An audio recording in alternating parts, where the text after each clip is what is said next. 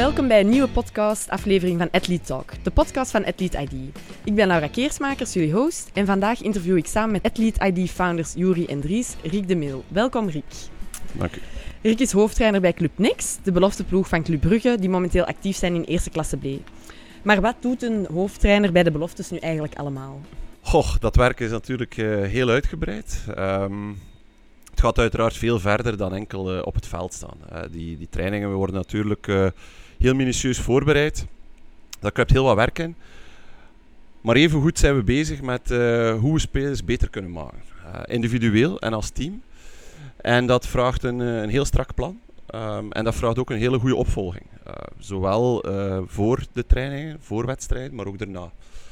Um, daarvoor um, bespreken we onder andere bijvoorbeeld welke fysieke data er nodig zijn om spelers fysiek beter te maken. Welke individuele trainingen gaan we doen? Hoe gaan we technisch, tactisch gaan werken om ze sterker te maken? Welk vlak is, het, is het mentale aspect ook belangrijk? En na wedstrijden of trainingen bekijken we dan ook beelden. Om te zien waar het goed liep, waar, waar we dingen beter kunnen doen. En ja, daar vergaderen we ook over, zodat we een, een heel duidelijk plan hebben naar de toekomst. En is er dan ook echt individuele training per speler? We werken heel individueel, op alle vlakken eigenlijk. Um, uiteraard um, moeten wij als team gaan presteren en zijn er ook teammomenten die, die heel belangrijk zijn. Maar toch uh, is het overgrote deel van onze tijd besteed aan, uh, aan het individuele.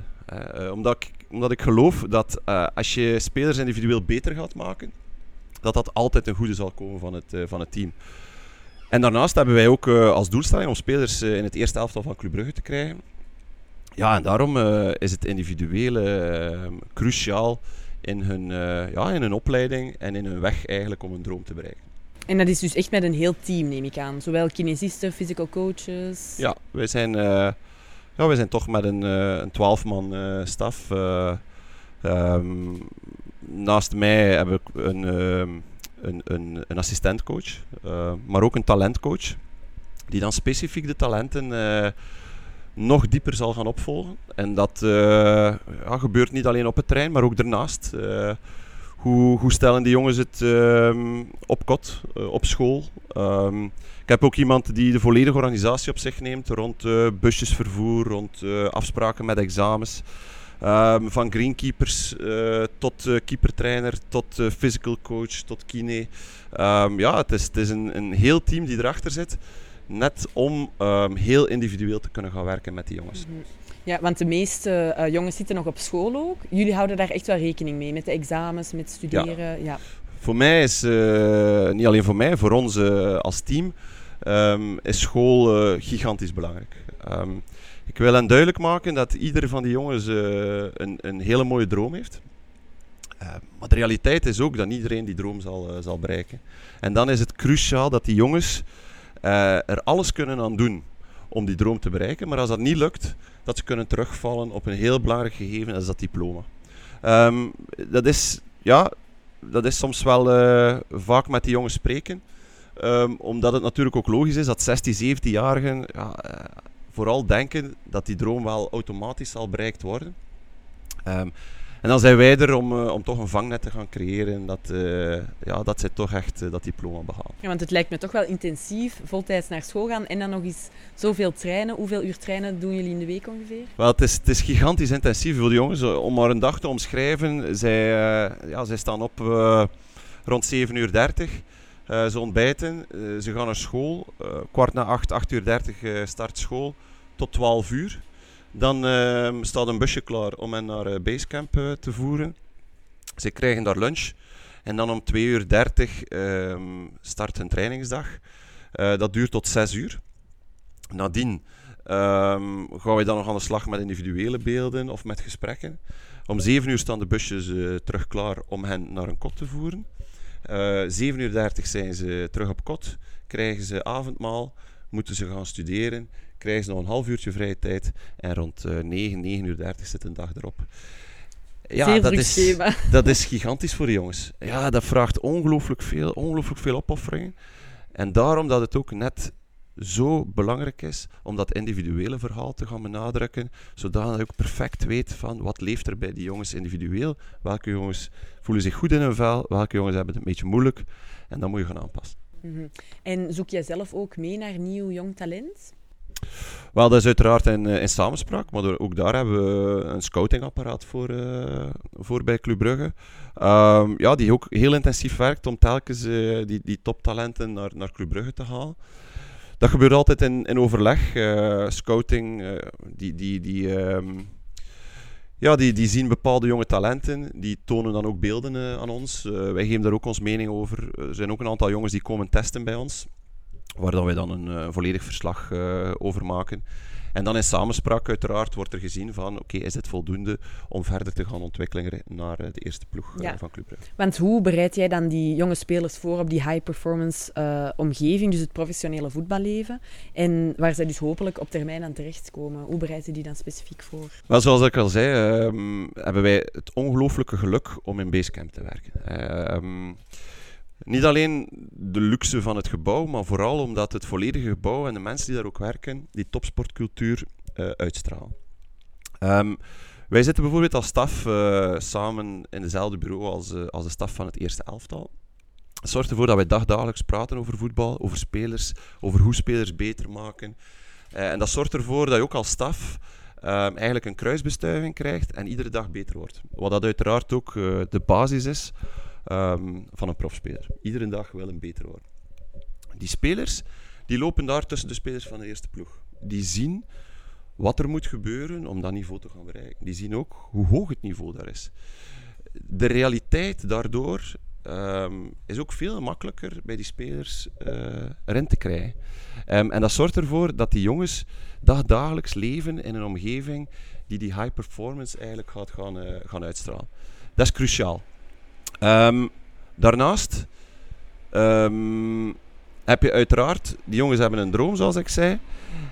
En daarvoor gaan wij aan de slag. Hoe ga je die droom gaan realiseren?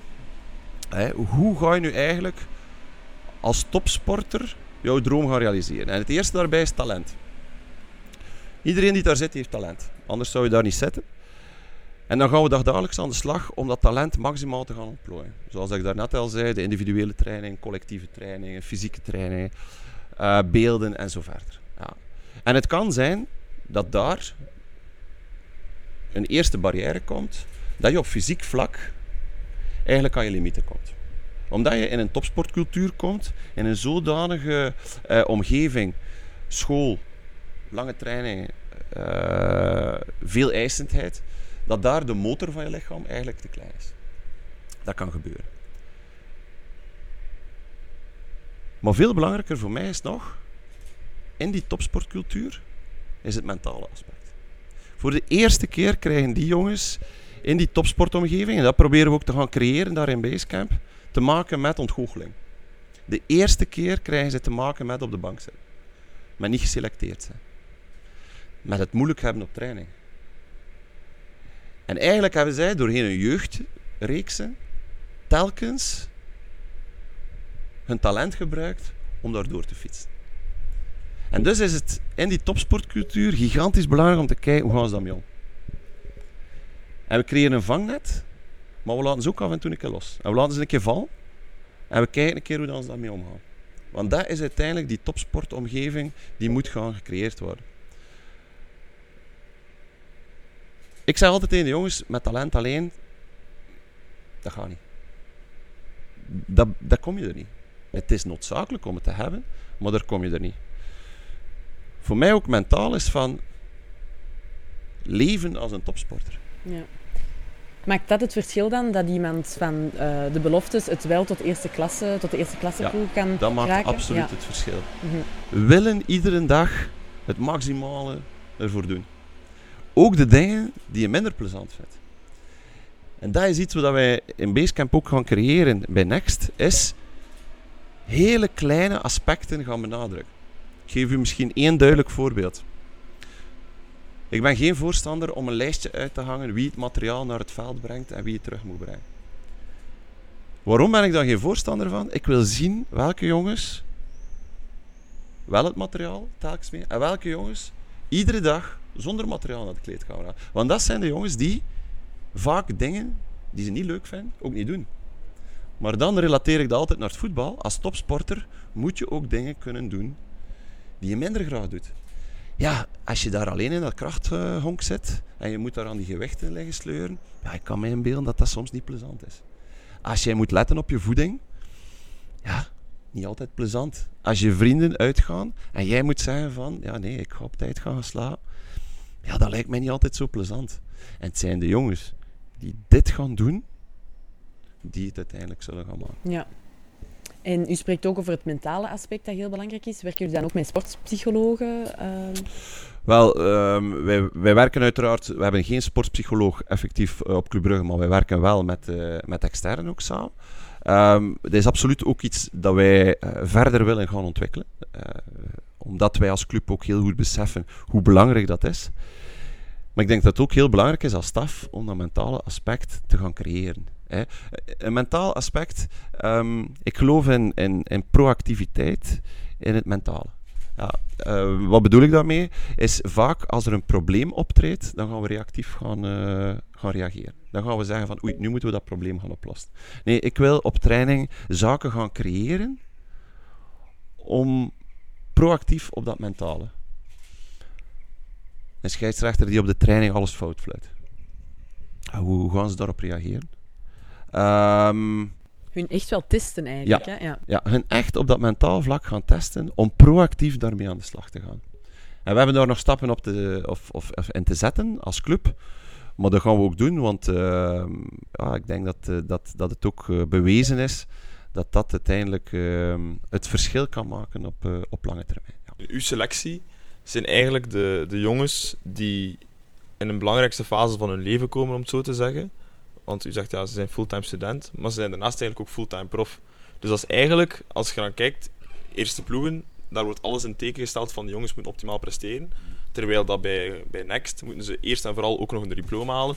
En daarnaast ook nog hun best doen om, om, om die stap te kunnen zetten. Um, in die omgeving of in, die context, wat zijn voor u eigenlijk de belangrijkste non-negotiables voor uw spelers? Waar dat ze sowieso, waar u zegt van dat zijn de principes waar dat zij zeker moeten aan voldoen of, of moeten uh, opofferingen maken om die stap te kunnen gaan zetten? Goh, er zijn er, zijn er een aantal. Hè. En iets dat cruciaal is, is een open communicatie. Ik kan mijn spelers niet optimaal gaan begeleiden als er geen open communicatie is. Um, en, en dat is niet zo evident. Als je een klein beetje last voelt, ja, en je wil die droom gaan bereiken, dan zijn er wel spelers die zeggen van, ik ga dat toch niet, uh, niet melden. Dat zijn zaken die voor mij uitgesloten zijn. En door in die topsportcultuur daar in Basecamp te leven, um, zijn dat principes die jongens heel goed doorhebben. Dus voor mij is dat iets open communiceren. Dat kan fysiek zijn, maar dat kan ook op mentaal vlak zijn. Ik wil dat we een cultuur gaan creëren, en dat is geen evidentie hoor, waarin dat spelers naar ons kunnen komen en zeggen van kijk, ik zit met een probleem. Omdat zij eigenlijk benaderd worden of in een omgeving worden gestoken waarin dat wij nog meer eisen dan van een effectieve prof van het eerste elftal. Nog veel meer eisen. Ja. En, en ja, die jongens moeten mensen hebben rondom hen waar ze kunnen naartoe gaan. En zeggen van, kijk, daar heb ik het moeilijk mee. Het gaat niet goed op school. Ik heb een probleem met mijn lief. Misschien kleine stomme dingen, maar die wel op die leeftijd cruciaal zijn. Ja. Om uiteindelijk dan het topsportgebeuren door te komen. Dat is één. Twee, um, iedere dag wil beter worden. En er plezier in hebben om iedere dag beter te worden. Uh, als dat wegvalt, goed, dan valt een droom weg. Um, dat is een, dat is een, een tweede. Um, en een derde is voor mij voeten in de realiteit. De, niet in de voetbalbubbel alleen. Ik vind het daarom ook belangrijk dat spelers naar school gaan. Dat ze ook in een andere bubbel terechtkomen. Uh, de realiteit van uh, ja, dat, dat er buiten voetbal heel wat zaken zijn die ook uh, gelukkig kunnen maken. En dat wil erom niet zeggen dat je droom niet kunt halen. Maar als je geen evenwicht vindt daarin, dan loop je tegen de muur. Ja. en dat zijn zaken die, ik, ja, die voor mij echt cruciaal zijn. Ja, oké, super interessant. Het sluit ook, denk ik, aan bij. Um, we hebben een rubriek artikel van de week.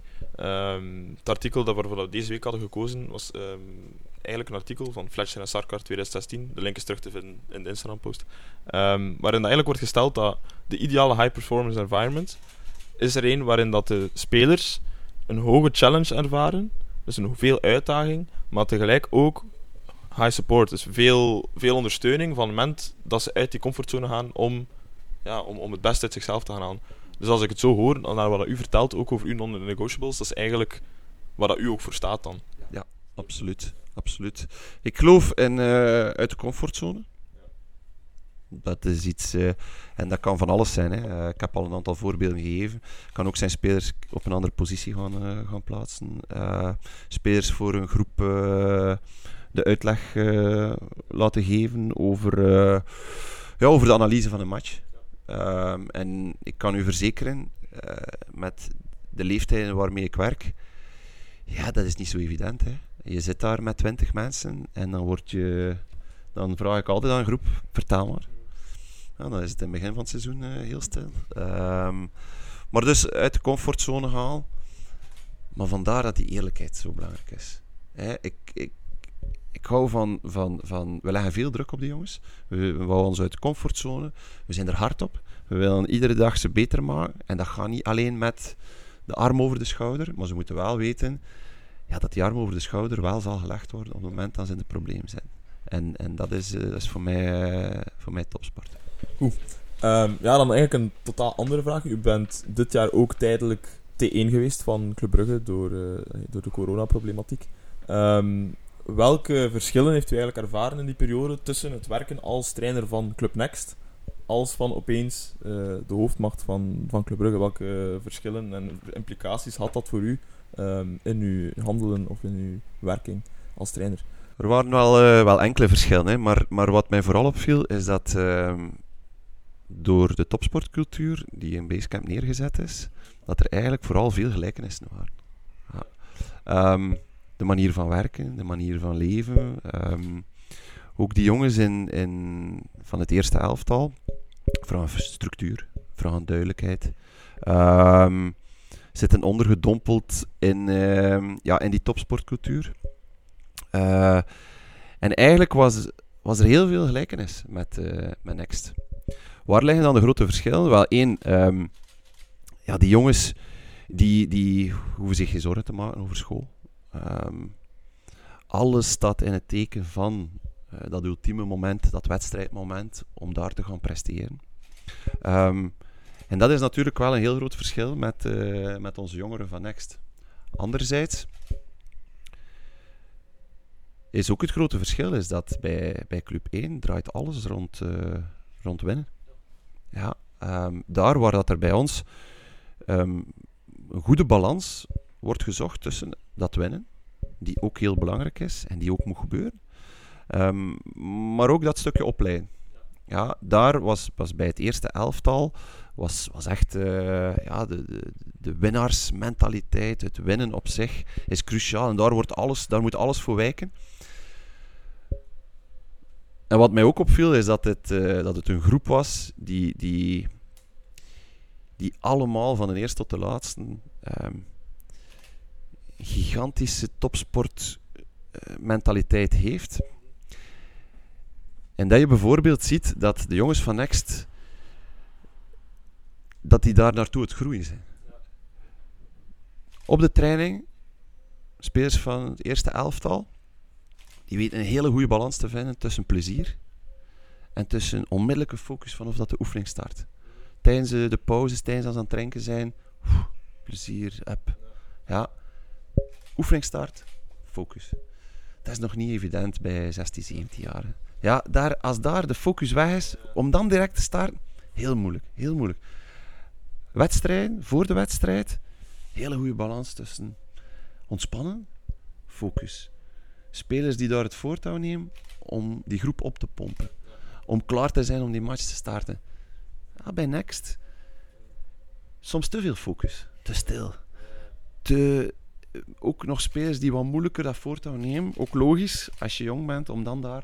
Ja, eh, dat zijn de, de, belangrijke details om te voelen van dit is nog een, een, grote stap verder.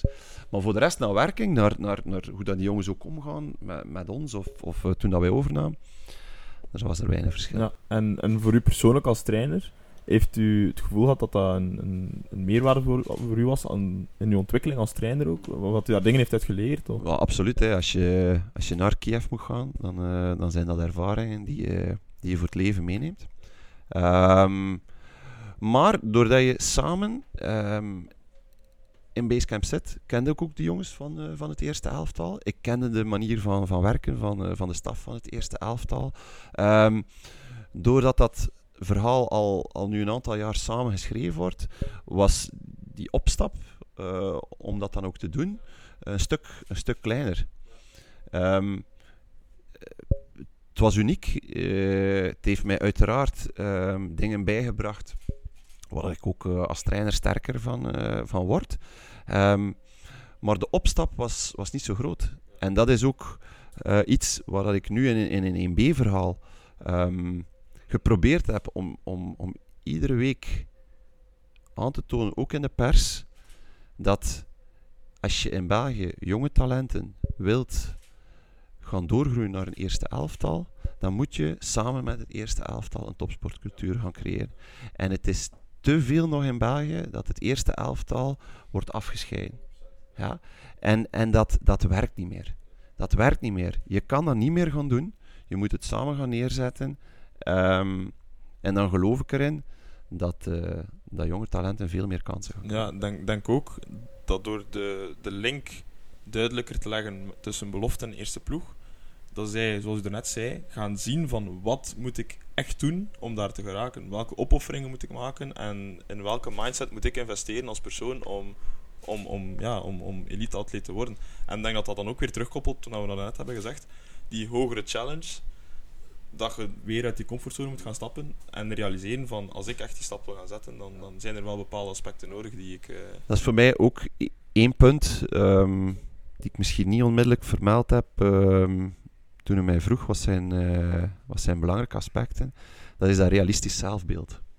Ja, spelers met een realistisch zelfbeeld, die raken verder dan spelers met geen realistisch zelfbeeld.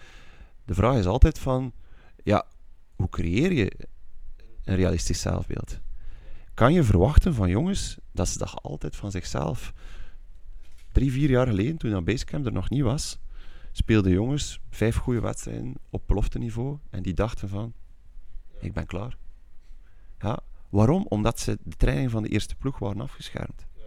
Ze zagen niet wat voor niveau dat het is. Nu zien ze het iedere dag. En dus mogen ze nog vijf goede wedstrijden spelen, bij, uh, zelfs in 1B. Dan nog weten ze van, hm, niveau dat daar op het uh, terrein ernaast, uh, dat ben ik nog niet.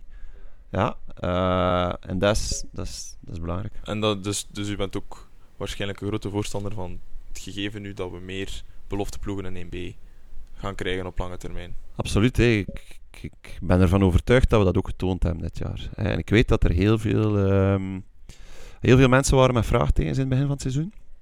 Ook op de momenten dat we, ja, dat we in het begin uh, verliespartijen hadden. Uh, soms ook wel eens een zware verliespartij. Um, maar ik geloof in, in dat je een, een, verhaal neerschrijft. Dat je jonge talenten de kans geeft om dit soort ervaring te gaan, uh, te gaan opdoen. En ik geloof ook, als je je vasthoudt aan dat verhaal en niet panikeert op het moment dat het in het begin moeilijk gaat, dat je uiteindelijk ziet dat in de tweede helft van het seizoen dat tegen iedere ploeg van 1B wedstrijd gaat hebben. Dat we op het einde punten ook beginnen nemen zijn. Um, en het is jammer dat dat verhaal uh, nu stopt voor een jaar. Maar ik ben ervan overtuigd dat als we dat verhaal, zoals in Nederland, twee, drie jaar kunnen uh, verder schrijven, dat je gaat zien dat die beloftenelftallen het goed ook gaan doen in 1B. En niet alleen goed gaan doen, je gaat zien dat er veel meer jonge gasten in onze eerste klasse gaan doorbreken. En die uiteindelijk goed gaan zijn voor Belgisch voetbal. Um, en dat is of daar ben ik van overtuigd dat we dat dit jaar eh, getoond hebben. Het gaat dan vooral over lange termijnvisie dan, over Ja. integratie van Ja. jeugdspelers eerste ploeg. Absoluut. En dat is iets dat in het voetbal ook. ehm, dat, moet, dat moet het verhaal zijn ook van jeugdopleiding. Dat is een lange termijnvisie. De, de, het management of de coaches of de mensen rond het terrein of gelijk wie, die alleen maar die ene wedstrijd zien, dat is geen visie. Je moet het zien op lange termijn. Laat die jongens fouten maken. Laat ze groeien. Zij veel eisend. Zet ze uit hun comfort. Vraag veel van die jongens. Zorg voor een vangnet als ze het moeilijk hebben. Maar kijk op lange termijn. En als je dat kan installeren, en daar zijn we nu mee bezig eh, met Club Next, dat gaat altijd zijn vruchten af. hè. Ja, ehm, het is nog één ding dat ik daarop op zou willen inpikken. Eigenlijk, je spreekt dan over lange termijnvisie. Denkt u ook dat het dan van een duurzaam beleid getuigt op termijn om eigenlijk die jeugdopleiding meer te gaan centraliseren en eigenlijk van het gegeven dat er doorstroming is vanuit de jeugd, dat dat een belangrijk aspect is binnen de club, dat dat eigenlijk voor een club op termijn een model moet zijn om, eh, ja, om duurzaam te gaan werken. Want allee, wat we nu zien in de Belgische competitie, dat er heel veel clubs gaan teren op spelers uit verschillende spelers uit verschillende allee, werelddelen eh, die ze naar hier halen en dan hopen die met meer prijs te kunnen gaan verkopen. Maar is het dan volgens u niet duurzamer om te zorgen dat er een goede jeugdwerking is, dat er consistente doorstroming is en dan eigenlijk ja, de marktwaarde van die spelers enerzijds gaan vergroten, maar ook gewoon het algemeen de opleiding van de spelers verbeteren? Maar ik denk dat we, dat we een duidelijke beweging aan het, eh, aan het maken zijn. Hè. Eh, Er zal altijd een, een evenwicht moeten gezocht worden. Je zal niet uit het voetbal krijgen dat het verhaal van buitenlandse spelers eh, hier komen, eh, een stuk gaan opleiden en die duurder gaan verkopen. Ja, voetbal is ook business. Ehm, dus, dus ja, dat zal absoluut eh, blijven gebeuren. Wat je een heel aantal jaren geleden zag, is dat dat het enige was dat dat het enige was die, die er in België of in het voetbal gebeurde. Daar zijn we met Club Brugge heel duidelijke verandering aan het maken. We hebben uitgesproken dat wij vijf spelers vanuit onze jeugdopleiding in het eerste elftal willen krijgen. Niet zozeer in de ruime kern, maar effectief op het veld. Als je de laatste wedstrijd bijvoorbeeld bekijkt tegen Henk, ja, dan hadden wij met ehm, Charles de Ketelaere, met Brendan Mechelen, met Noah Bamba, ehm, met Injas van den Bremt die, eh, die dan invalt. Ja, dan, dan zit je met een, al een viertal spelers die vanuit de jeugdopleiding eh, op dat veld staan. Dus dat is, dat is een doelstelling. En ik geloof eh, daar, daar, daar absoluut in ehm, dat dat heel belangrijk is voor een, voor een club om, om jongeren te gaan opleiden.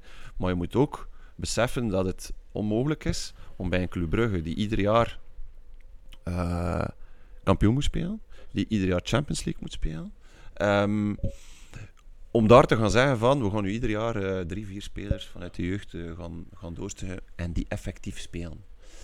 Nee, dat werkt niet. Ehm, geduld, lange termijnvisie, ook bij spelers, is heel belangrijk. Spelers die gaan eerst in de, in de ruime kern gaan zitten, gaan daar jaren gaan meetrainen. Gaan misschien niet spelen. Gaan misschien een tweede jaar nodig hebben om daar te trainen. Ja? Dus zowel van de club als van de speler vraagt dat geduld. Rustig. Geef ze de tijd. En ook neem jezelf, of, geef jezelf ook de tijd om naar dat eh, doel te gaan, eh, te gaan groeien. Dus, en dat is een duidelijke visie van Club Brugge. Vijf spelers in het eerste elftal tegen 2023. Ja. Ehm, en, en, en daar werken we naartoe. En daarom vind ik, als je dat wil realiseren, moet je een topsportcultuur samen met je eerste elftal gaan neerzetten. Oké, top. Eh, Rick, dan nog eh, een vraagje ehm, over uw trainerstaf. Hoe werkt u samen met uw volledige trainingsstaf, gaande van physical coach, videoanalist, data-analyst tot medical, om enerzijds het maximale uit uw staf te halen, maar ook het maximale uit de spelers te halen met hen?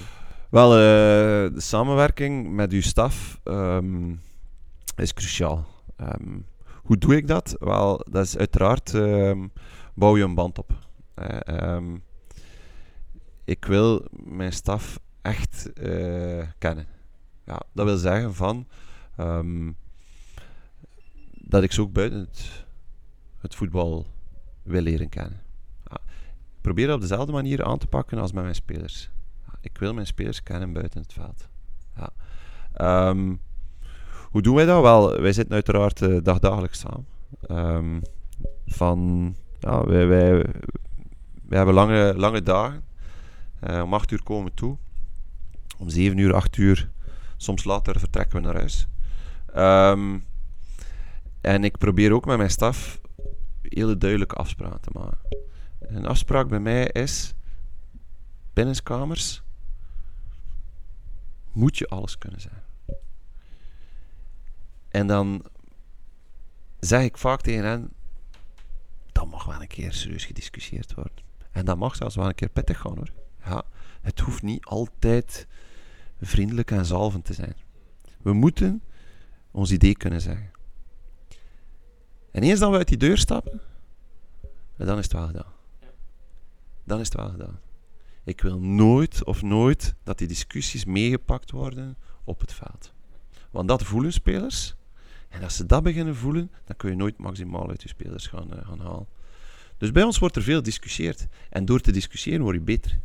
Ja, maar we zorgen altijd voor een sfeer dat een open sfeer, dat er kan gediscussieerd worden, maar ook waarin dat we zeggen van, als we de dag nadien terugkomen, ja, dan zijn we weer vertrokken. Dat blijft niet hangen. Um, dus dat is een belangrijke. En een andere belangrijke is duidelijkheid over de taak.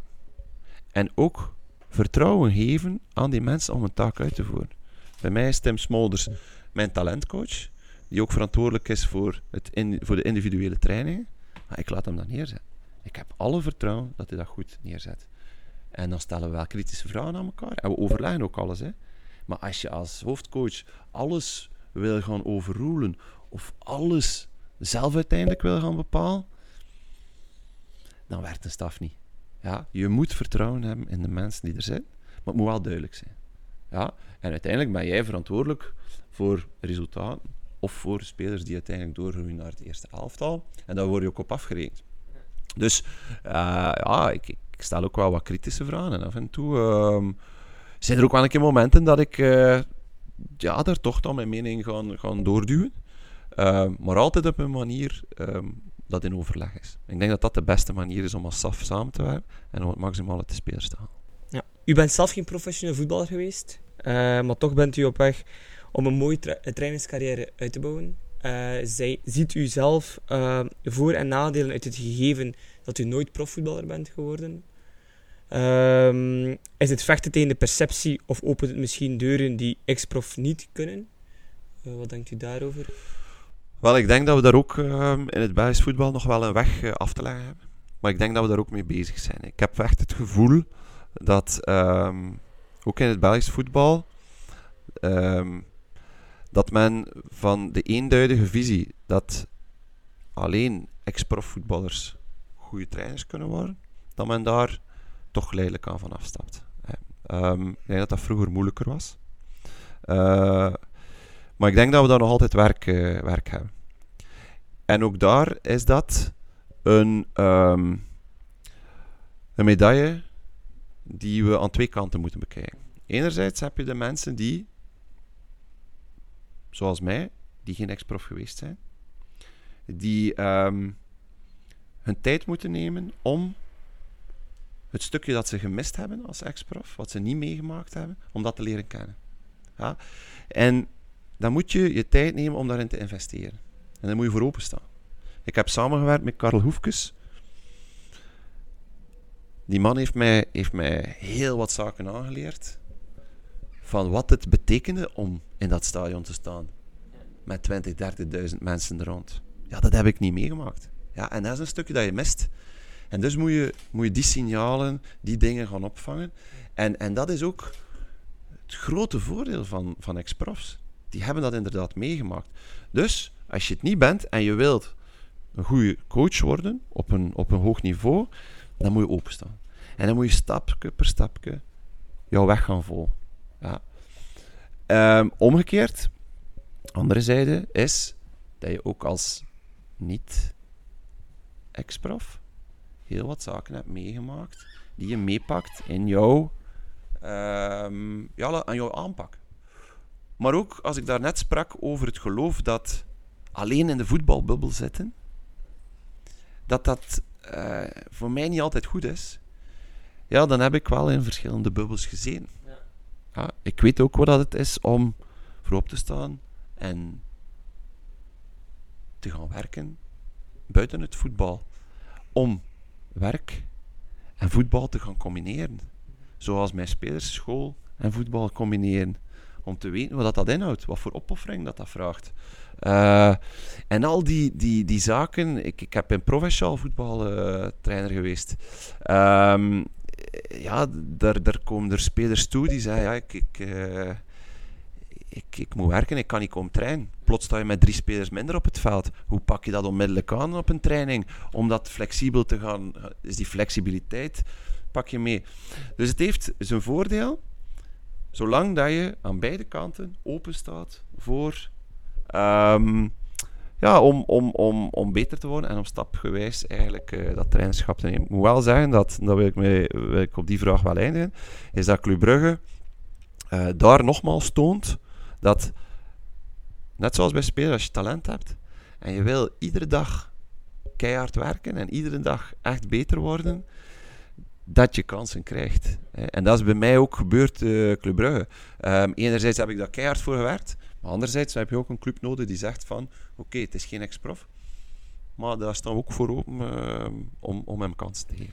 Dan eh, misschien voor onze luisteraars die eh, beginnende trainers zijn, heeft u tips voor hen?